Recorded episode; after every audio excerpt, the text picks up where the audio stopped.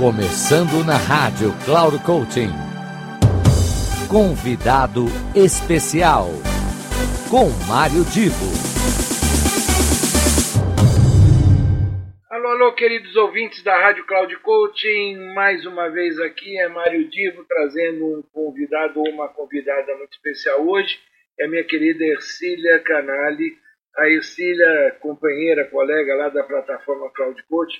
Aliás, parênteses aqui, não deixem de acompanhar as postagens da Ercília, sempre muito lúcidas, trazendo pontos de reflexão para vocês sobre desenvolvimento humano. Fecha parênteses. E continuando, hoje ela vai ocupar o espaço aqui dos encontros inteligentes, falando a respeito de uma questão que é relacionamento interpessoal. Particularmente, a Ercília vai dar aqui um, um olhar em direção às mulheres mas eu, como homem, eu quero sugerir que você, ouvinte homem, não deixe de acompanhar e também refletir a respeito. Porque, afinal de contas, se uma dica, se uma sugestão, se um ponto de reflexão vai ser interessante para as mulheres, obviamente isso de alguma forma também pode sugerir uh, algumas questões que nós homens é, sejamos maridos, namorados, companheiros, amantes, nós também possamos uh, refletir a respeito. Uh, vamos lá, acompanhar a Ercília e no final eu volto para as considerações de encerramento. Eu sou Ercília Canali e é com muita alegria que eu estou aqui na rádio Cloud Coaching. Quero agradecer ao Mário Divo pelo convite, por eu estar, pela essa oportunidade né, de eu estar aqui conversando com todos vocês e trazendo uma mensagem sobre relacionamento pessoal. Eu trabalho com recursos humanos já há 40 anos, é, trabalho com pessoas, com gestão de pessoas, e dentro desse meu trabalho existe aí um, um, um, um cuidado que eu tenho e uma metodologia que foi criada por mim para atendimento de mulheres que buscam o amor próprio, que buscam a autoestima e que buscam relacionamentos felizes. Então eu trouxe aqui uma reflexão para vocês, para você mulher que está num relacionamento e que muitas vezes acorda de manhã e pensa, mas será que é realmente isso que eu busco para minha vida? Será que eu estou feliz aqui nesse momento, nessa posição que eu estou? Nesse papel que eu estou dentro desse relacionamento? Então vamos refletir o seguinte, olha. Um, mas ele gosta de você, mas não o bastante para namorar com, com você como você namora, como você gostaria. Ele curte ficar com você, mas não na intensidade de que você gostaria.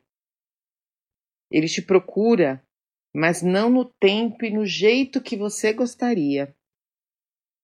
Ele está bem confortável do jeito que ele está. Por que ele mudaria? Ele tem você do seu lado. Ele já tem o melhor de você. Então não existe é, a possibilidade ou a probabilidade dele de efetuar uma mudança.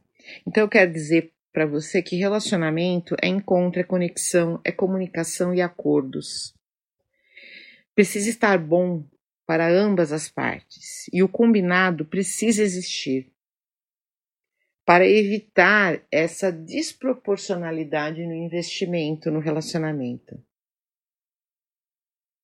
Ser é, namorada de quem não namora com você, ser esposa de quem não não é, é marido de você, né? Se desdobrar em mil para fazer acontecer, priorizar e não ser priorizada, colocar, colocar-se num lugar especial é, quem ainda não, não, não, não, se, não te assumiu, colocar a pessoa num lugar especial em quem ainda não te assumiu, tudo isso desgasta ah, fatalmente a sua autoestima, o seu amor próprio, causando um rombo gigantesco no seu coração e na sua mente.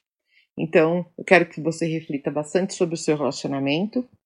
Eu sou Ercília Canali, É, tem o Insta do mesmo nome, Facebook do mesmo nome.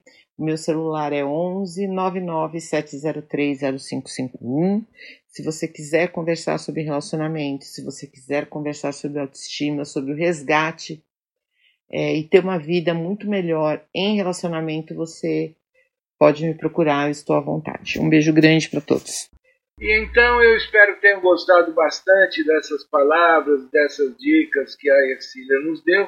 Cada ouvinte vai poder refletir a respeito, cada um vai olhar a sua situação, o seu relacionamento e, enfim, vai acabar eh, tomando o seu caminho. O que é importante, sempre eu ah, faço questão de, de dizer aqui, é que os nossos encontros inteligentes, os nossos convidados especiais, os nossos espaços, todos aqui da Rádio Cloud Coach, todos eles, como é hoje a convidada especial, eles eh, são voltados para ajudar você, ouvinte, a refletir sobre essa vida, a ter um, um autoconhecimento, estimular um processo de autorreflexão, enfim, tomar o caminho que você acha melhor a partir da dica, da sugestão, do comentário, da informação dos nossos especialistas.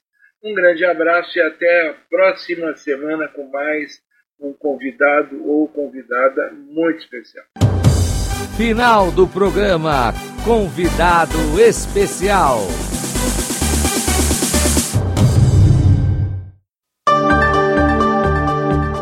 Se ligue! Semanalmente você ouve o programa Convidado Especial sempre na segunda-feira às 15 horas, com reprise na terça às 5 e meia da tarde e na sexta-feira às 10 horas da manhã. Quem será nosso convidado ou nossa convidada? A surpresa é nossa e a revelação e apresentação de Mário Divo, sempre aqui na Rádio Cloud Coaching. Acesse nosso site radio.cloudcoaching.com.br. Confira toda a programação e baixe nosso aplicativo na Google Store.